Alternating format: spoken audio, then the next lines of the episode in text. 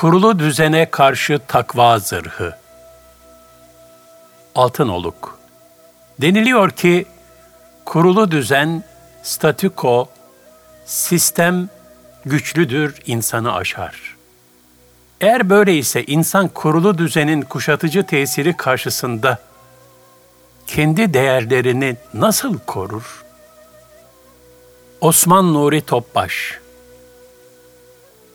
Ancak takva ile korur.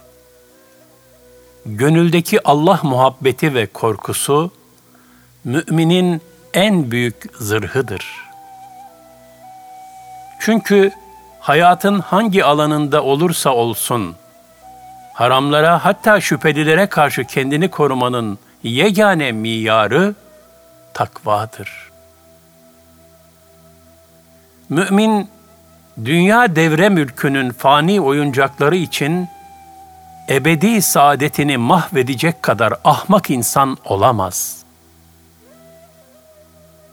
Üç günlük dünya zevkleri uğruna ilahi ölçülerden taviz vermektense, yeri geldiğinde maddi bakımdan geri adım atmayı göze alır.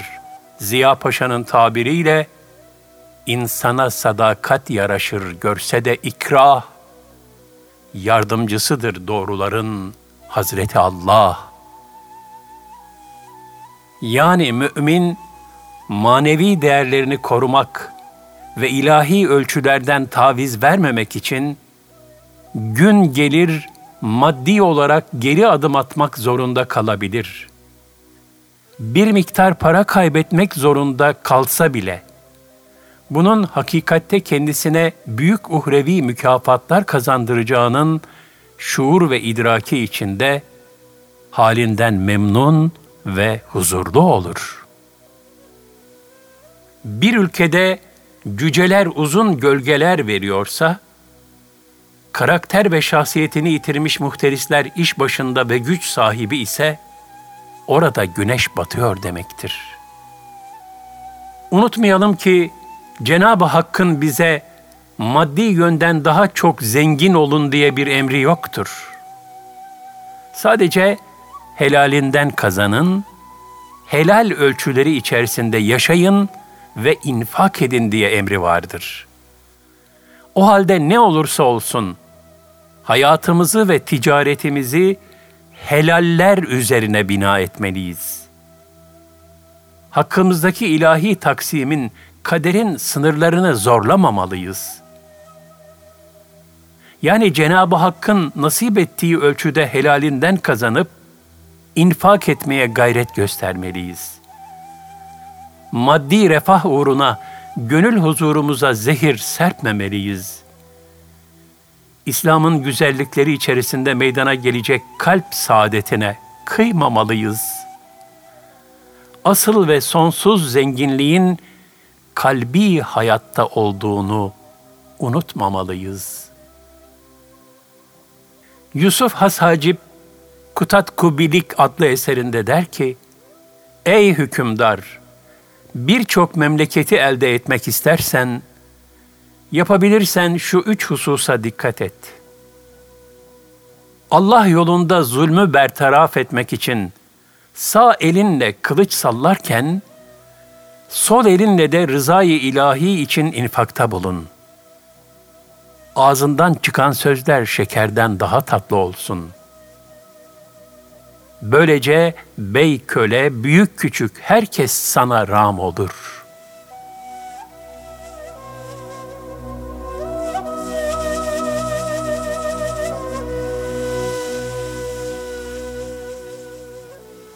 Zenginlik Müslümanı bozar mı? Altın oluk. Bu noktada Müslümanlara dışarıdan ve içeriden yönelen tenkitleri, yani zenginleştikçe ölçülerin kaybolduğu, her şeyin mübahlaştığı, paranın Müslümanı bozduğu, dünyevileşme virüsünün zenginleşen Müslümanlara da bulaştığı görüşünü nasıl değerlendirmek gerekiyor? Osman Nuri Topbaş İslam'ın doğru idrak edilip layıkıyla yaşandığı devirler, bu tenkitlere en güzel cevaptır. Mesela Ömer İbn Abdülaziz'in iki buçuk senelik hilafet devri ve Osmanlı'nın ilk üç asrı dıştan gelen tenkitlere karşı en güzel cevaptır. Zira dünyevi refah seviyesinin yükselmesine rağmen gönüllerde takva duygusu kuvvetli olduğu zaman insanlar dünyevileşmiyor, şımarmıyor, cimrileşmiyor. Bilakis toplumda zekat verecek fakir bulamıyorlar. İçten gelen tenkitlere gelince, buna da Osmanlı'nın son üç asrı ibretli bir örnektir. Allah yolunda hizmet ve gayret heyecanı zayıflayıp, dünya muhabbeti gönüllere girmeye başlayınca, Cenab-ı Hak da nimetini, bereketini, emanetini çekip alıyor. İmanın en büyük meyvesi merhamettir. Merhametin en güzel göstergesi de sende olanı ondan mahrum bulunana ikram etmendir.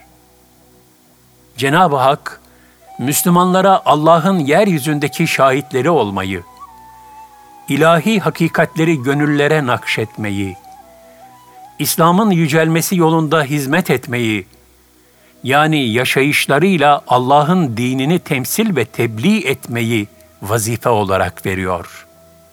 Bu vazife layıkıyla idrak edilip ifa edilirse, ne içtimai buhranlarla karşılaşılır, ne de iktisadi krizlerle. Böyle bir rahmet toplumunda zahiren kuraklık, kıtlık ve felaketler bile olsa, yine de bir huzursuzluk ve kargaşa ortamı oluşmaz. Nitekim Eliye Keduri'nin kaleme aldığı Osmanlı'nın son döneminde İngiltere'nin Orta Doğu politikasına dair kitabın bir ekinde anlatıldığına göre 19. yüzyıl sonlarında Doğu Anadolu'da müthiş bir kıtlık baş göstermişti. Bunun üzerine İngilizler kıtlıktan hareketle bölgede Osmanlı'ya karşı bir isyan çıkarıp çıkaramayacaklarını tespit için oraya bir casus gönderdiler. Casusun yaptığı araştırma neticesinde edindiği kanaat son derece ibretliydi. Raporda deniliyordu ki, burada kıtlık var ama açlık yok. Çünkü herkes birbirini gözetiyor, yardımda bulunuyor. Bu yüzden de kıtlık açlığa dönüşmüyor. Sonuç olarak böyle güçlü bir içtimai yapı içinde kıtlıktan hareketle isyan çıkarmak imkansız. De la Motre de şöyle der. Osmanlı ülkesinde birisinin evi yanıp bütün aile efradının dünyalık namına nesi varsa hepsi kül olup gitse bile diğer toplumlarda görülen kadın hıçkırıkları ve çocuk ağlamaları onlarda görülmez. Bütün servetleri böyle yok olmuş kimselerde Allah'ın takdirine karşı tam bir tevekkül ve teslimiyet görülür. Hayırsever ahali ona derhal evin yeniden inşa edilip döşenmesine kafi gelecek miktarda ve hatta bazen lüzumundan fazla yardımda bulunur. Corneille Lebrun ise müşahedelerini şöyle dile getirir. Türklerin hayrat ve hasenata çok düşkün olduklarını ve hatta Hristiyanlardan çok daha fazla hayrat vücuda getirdiklerini inkara imkan yoktur. Osmanlı toplumunda pek az dilenciye tesadüf edilmesinin başlıca sebeplerinden biri de işte budur. Bunlar ecdadımız Osmanlı'dan birkaç tipik misal. Osmanlı medeniyetine vücut veren manevi esasların temellerinin atıldığı asr-ı saadete baktığımız zaman, maddi imkanların en asgaride olduğu o toplumda da bir ruhi buhran göremiyoruz. Fakat maddi nimetlerin dolup taştığı günümüzde ise ruhi buhranlar, psikolojik ve psikiyatrik hastalıklar maalesef had safhaya ulaştı.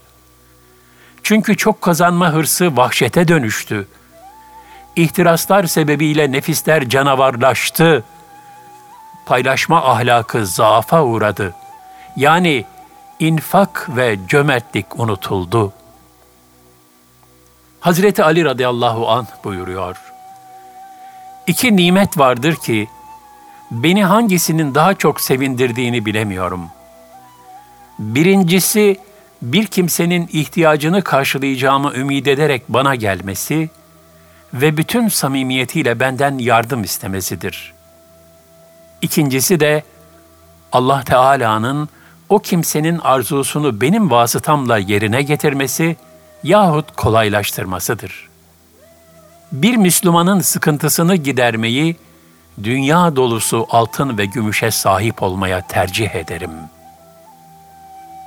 İmam Hatip Lisesi'nde derslerimize gelen hocalarımızdan Nurettin Topçu bazen sorardı. Bugünkü insan mı mesut, dünkü insan mı mesuttu? Sonra da dünkü insanın ne kadar mesut ve huzurlu, buna mukabil bugünkü insanın ne kadar huzursuz ve acımasız olduğunu madde madde anlatırdı. Bu sebeple hangi devirde olursa olsun, insan ruhunun selameti, İslam'ın ulvi prensipleriyle hayatın mezc olmasına bağlı. Kalpler dünyevi ihtiraslarla katılaşıp ahiret geri plana atıldığında insanoğlu mer'i hukukun boşluklarından istifade ederek hak ve adalet tanımayan gaspçı ve acımasız bir varlığa dönüşüyor. Bu gerçeği görmek için dünyada yaşananlara şöyle bir bakmak yeter. Bugün para ve güç dengeleri uğruna yapılan istismar ve zulümler hangi insanlığa sığar? Bir bomba atılıyor, bitki, hayvan, çoluk, çocuk, hasta, yaşlı ayırt etmeden perişan ediliyor. Ne merhamet var ne de şefkat. Masum ve mazlum kanlarıyla boyanan kanlı para hangi insanlığı imar ve inşa edecek? Velhasıl manevi değerlerden uzak kapitalist zihniyet insanı maddi güce rağm ederek bunları adeta bir put haline getiriyor.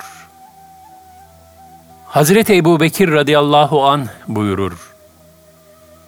İman sadece camilerde kalarak hayata aksetmezse, mal cimrilerde, silah korkaklarda, yetki zayıflarda olursa işler bozulur. Kapitalizme karşı İslami duruş Altınoluk Kapitalizm global bir akım. Kapitalizm sosyalizme meydan okumuş, bir süre sonra sosyalizm götüremiyorum bu işi deyip Sovyetler ve Çin devreden çıkmış. Bunu da kapitalizm zafer olarak ilan ediyor. Şöyle şeyler konuşuluyor. Kapitalizme meydan okuyacak tek sistem İslam'dır. İslam'ın bir dünya görüşü, bir hayat sistemi var. Muhtaç olunan da o aslında. Kapitalizme de baş kaldırılar oluyor. Mesela insanlar Wall Street'i işgal etmeye, ele geçirmeye çalışıyorlar. Avrupa'da tepkiler var. Mesela Türkiye'de de en son 1 Mayıs oldu. Antikapitalist Müslüman bir grup solla beraber hareket eder noktaya geldi. Acaba İslam adına kapitalizmin bu vahşetine karşı çıkacak bir sistemli itiraz, sistemli bir yeni iddia ortaya konamaz mı? Mesela Ebu Zer çizgisi bu noktada idealize edilebilir mi? Osman Nuri Topbaş Öncelikle şuna dikkat edelim ki, batıl ile İslam mezcedilemez. Bu mümkün değil. Komünizmde mülk toplumundur. Kapitalizmde mülk fertlerindir. Esasen ikisinin de davası aynı hususta. Yani mülkün kime ait olduğuna dair ihtilaf var. İslamsa mülk ne fertlerindir ne de toplumundur. Mülk Allah'ındır diyor. Onun için İslam diğer sistemlerle mezcedilemez. İslam'ın güzelliği ve ihtişamı da buradan geliyor.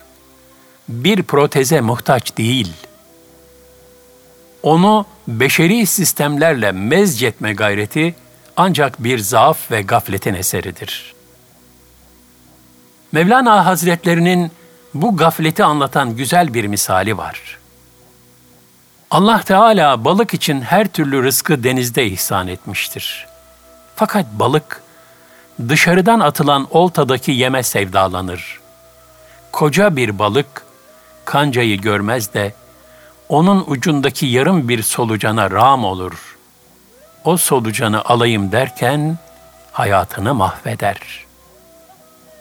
İslam'ın bir başka sistemle mezcedilmesi İslam için bir zaaf olur. Oysa İslam en büyük sistemdir. Menşei Cenab-ı Allah'tır. Hiçbir beşeri sistemle mezc olunamaz. Hatta mukayese bile edilemez.'' mezcetmeye kalkışıldığı zaman bir takım yanlışlıklar ortaya çıkar. Ya kapitalizme kayar ya komünizme yaklaşır. Kendi ihtişamını kaybeder. Müminler de şahsiyetini, karakterini, kimliğini kaybeder. Şeyh Sadi Şirazi rahmetullahi aleyh buyurur. Mide derdi olmasaydı hiçbir kuş tuzağa düşmezdi. Fatih İstanbul'u fethettikten sonra şehrin yeniden imar edilme zarureti doğmuştu. Leonardo da Vinci ikinci Bayezid'e mektup yazdı. İstanbul'un camilerinin, çeşmelerinin, yollarının projelerini ben çizebilirim dedi. Bu teklife sarayda sevinenler oldu. Dünya çapında meşhur bir mimar gelecek, İstanbul'u imar edecek diye.'' İkinci Bayezid Hansa bu teklifi kabul etmedi. O gelirse bizim ruhumuzu yansıtmayan yabancı bir mimari meydana getirir dedi. Bu yüzden onun hakkında kuş olup ülkemiz üzerinde uçmak istese bile müsaade edilmesin dedi. Biz kendi mimarimizi, kendi sanatımızı kendimiz icra edeceğiz dedi.'' Böylece kendi bünyemizden Sinanlar geldi. Şeyh Hamdullahlar, Karahisariler, büyük sanatkarlar yetişti. Kendi medeniyetimizi kendimiz inşa ettik. İşte bu tavır her sahada İslam'ın orijinalliğini muhafaza etme hassasiyetinin bir tezahürüdür.'' Yani İslam'ın hiçbir hususta proteze ihtiyacı yok.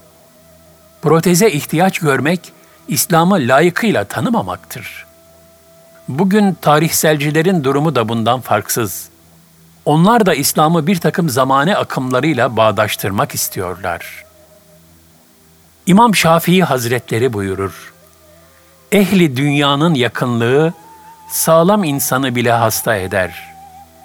Gazali Hazretleri de gayrimüslimlerle zihni yakınlık zaman içinde kalbi yakınlığa döner. Bu kalbi yakınlık da kişinin manen helakine sebep olur buyurur. Velhasıl mümin kendisini İslam'a tam manasıyla rağm etmeli, İslam'ın izzetini, haysiyetini korumalı, İslam'ın iktisadi ve içtimai her sahada vaz ettiği kaidelerin tatbikine itina ve gayret göstermeli. Kalbi aşınmayı önlemek için. Altın oluk. İfade buyurduğunuz tarihselcilik de zihni bir zaaftan kaynaklanıyor. İslam'ın şu şu hükümleri falanca zamanda kaldı. Şimdi farklı bir zamandayız deniyor. Sanki kapitalizmde çağın olmazsa olmazıymış gibi lanse ediliyor. Normalde ibadetlerine dikkat eden bir insan ekonomik faaliyetlerinde ne yapayım demeye başlıyor, telife gidiyor. Kapitalizme karşı itirazın sistemli olarak sanki ortaya konulamadığı gibi bir durum söz konusu. Müslümanların kapitalizm karşısında aşınmasını önleyebilmek için neler yapılması gerekiyor? Osman Nuri Topbaş Evvela şunu ifade edelim ki, bu tarihselcilik görüşü tamamen yanlıştır. Zira İslam'ın emir ve yasakları insan tabiatının değişmeyip hep aynı kalan hususiyetlerine göre şekillenmiştir. Bu hükümler bütün zaman ve mekanların ihtiyaçlarına en güzel şekilde cevap verebilecek mükemmelliktedir. Bu sebepledir ki onlar asla eskimez. Ehemmiyetini kaybetmez. Beşeri ihtiyaçları en güzel bir şekilde karşılama hususundaki mükemmeliyetini daima muhafaza eder. Dolayısıyla Kur'ani hükümlerin bir kısmının tarihsel yani belli bir zaman ve mekana ait olduğunu söylemek ucu küfre varan bir dalalet ifadesidir. Diğer taraftan bu tarihselcilik dalaleti sonsuz ilim ve kudret sahibi olan Cenab-ı Hakk'a acziyet izafe etmektir. Cenab-ı Hak toplumların yapısı değiştiğinde daima peygamberler göndererek zamanın ihtiyaçlarına göre kanunlar vaz etmiştir. Resulullah sallallahu aleyhi ve sellem Efendimiz ise ahir zaman peygamberidir. Son peygamberdir. Onun getirdiği hükümler kıyamete kadar gelecek bütün insanlığın ihtiyaçlarına cevap verebilecek mahiyette hükümlerdir. Bunun aksini düşünmek, insanoğlunu yaratan, dolayısıyla onu kendilerinden çok daha iyi tanıyan ve sonsuz ilmiyle olmuş ve olacak her şeyi bilen Cenab-ı Hakk'a acziyet ifade etmek gibi dehşetli bir sapıklığın ta kendisidir.'' Cenab-ı Hakk'ın verdiği akılla yine Cenab-ı Hakk'ın hükümlerini tartışmaya kalkışmak kadar abes bir durum olamaz. Böyle bir ahmaklığa düşenlere şu ayet-i kerimeleri hatırlatmak gerekir. De ki, siz dininizi Allah'a mı öğretiyorsunuz? Oysa Allah göklerde olanları da bilir, yerde olanları da. Allah her şeyi hakkıyla bilendir. El-Hucurat 16 Yoksa siz kitabın bir kısmına inanıp bir kısmını inkar mı ediyorsunuz? Sizden öyle davrananların cezası dünya hayatında ancak rüsvaylık, kıyamet gününde ise en şiddetli azaba itilmektir. Allah sizin yapmakta olduklarınızdan asla gafil değildir. El-Bakara 85 Resulullah sallallahu aleyhi ve sellem Efendimiz de şöyle buyurmuştur. Kur'an-ı Kerim öyle bir kelamı ilahidir ki, o, vuku bulacak her türlü fitneye karşı insanı selamete erdirir. Onda sizden öncekilerin haberleri, sizden sonrakilerin durumları, insanlar arasında meydana gelecek hadiselerin hükümleri vardır. O, hakla batılı birbirinden ayırt eder. Mala yani, lüzumsuz hükümler değildir. Kendisini terk eden azgını Cenab-ı Hak helak eder. Onun dışında hidayet arayanı Allah dalalete düşürür. Peygamber Efendimiz sallallahu aleyhi ve sellem buyurur yalnız şu iki kişiye gıpta edilir. Biri Allah'ın kendisine Kur'an verdiği kişidir. O kişi Kur'an'la gece gündüz meşgul olup onunla amel eder. Diğeri Allah'ın kendisine mal verdiği kimsedir. O da gece gündüz bu malı infak eder. Bu mühim izahın ardından yine asıl mevzumuza dönecek olursak, aslında şu hususun altını en kalın çizgilerle çizmek gerekiyor. İslam nasıl kazanırsan kazan da bolca hayır hasenat yap demiyor. Mutlaka helalinden kazan diyor. Müminden takat fazlasını istemiyor. Takatimiz ölçüsünde vazife yüklüyor. Bir de bahsettiğiniz Ebu Zer radıyallahu an misali var. Ebu Zer misali bazı şahıslara münhasır bir meseledir. Onlara has bir durumdur. umuma teşmil edilemez. Cenab-ı Allah 200 küsur yerde muhtelif kalıplarda infakı emrediyor. Mümin tesis kuracak, fabrika kuracak ki infak edebilsin. Kazanmadan nasıl infak edecek? Fakat Müslüman helalinden kazanacak. İsraf etmeyecek. Pintilik etmeyecek. Mütevazı bir hayat yaşayacak ve infak edecek. Sanayisinin tekamülü için de dikkat edecek. Gayrimeşru bir yola gitmeyecek. İşçisinin emeğini istismar etmeyecek. Karını artırmak için hanımların cazibesini kullanıp onları reklamlarında vitrine etmeyecek. Hazreti Ali radıyallahu anh buyuruyor. Yoksullaştığınız zaman sadaka veriniz ki Allah da kendisiyle ticaret yapmış gibi size bol rızık versin. İsra suresinin 64. ayetinde şeytanın mallara ve evlatlara ortak olmasından bahsedilir. Bugün maalesef kazançlara iblis ortak ediliyor. Siteler kuruluyor. Onu yüksek fiyata satayım diye havuzlar tesis ediliyor. Orası adeta bir plaj havasına sokuluyor. Orada yaşayacak olan ailelerin maneviyatını ifsad etmenin yolu açılıyor. Ticarette rekabetin zorluğuna katlanmaktansa, işi sahtekarlığa döküp, kolay yoldan ucuz ve karlı mal imal edenler oluyor. Çok kazanma uğruna bitkilerin, hayvanların genleriyle oynanıyor. Gıdaların safiyeti bozuluyor. Haram katkı maddeleri karıştırılıyor. İnsanların bedeni ve ruhi sağlıkları tehlikeye atılıyor. Böylece ticari hayat meşru rayından çıkarılıyor. Şu da çok hazin bir durum ki, bazı mütedeyyin insanlar bile İslam'ın ticari ve iktisadi hayata dair ölçüleri hususunda kafi derecede şuurlu olmadıkları için neyin helal, neyin haram olduğunun tespitinde zaafa düşebiliyorlar. Bazıları ise haram olduğunu bildikleri halde canım bu zamanda helal para mı kaldı gibi gafletle kırdılarıyla şeytani telkinlere uyarak ilahi hudutları çiğniyorlar. Resulullah sallallahu aleyhi ve sellem Efendimiz buyurur.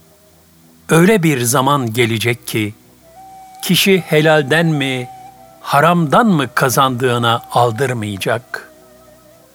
Kendi şahsi hayatında dinin emir ve nehilerine riayet etmeye çalıştığını söyleyen birçok Müslüman, iş ticari hayata gelince pek çok İslami hükmü göz ardı edebiliyor. Mesela kalkıp bir dükkanını ilahi yasakların açıkça çiğnendiği, toplumun manevi ve ahlaki yapısına zarar veren bir iş dalına kiraya verebiliyor. Bir hayra delalet edenin o hayrı işlemiş gibi olacağı, bir şerre delalet edenin de o şerri işlemiş gibi olacağı yönündeki İslami kaideden adeta habersiz gibi hareket edebiliyor. Sonra da o Müslüman bu gibi haramlara bulanmış yerlerden gelen parayı kendi gözünde temiz para sayabiliyor. Maalesef günümüzde bu gibi cürümler manevi ağırlığı hissedilmeden işlenir hale geldi. Halbuki Allah'ın haram kıldığı işlerin yapıldığı yerlerden gelen kira paraları da temiz olmaz. Bu sebeple bir mümin malını mülkünü kullandırırken de dikkat etmeli. Kim çok para verirse ona kiralamak gibi bir ölçüsüzlük içinde olmamalı. Kiracısının da kazancını Allah'ın razı olduğu meşru bir işten kazanıp kazanmadığına dikkat etmeli. Maalesef bugün servetlere bu ve benzeri şekilde her taraftan zehirler saçılıyor. Bu sebeple Müslüman adeta bir mayın tarlasında yürüyormuş gibi ticari ve iktisadi hayatta da bilgili, dikkatli, hassas ve ihtimamlı olmak zorundadır. alması memnu olan şeyin vermesi dahi memnu olur. Mecelle. Yani bir şeyi almak, yemek, içmek veya kullanmak yasak ve haramsa, onu vermek veya satmak da yasaktır, haramdır.''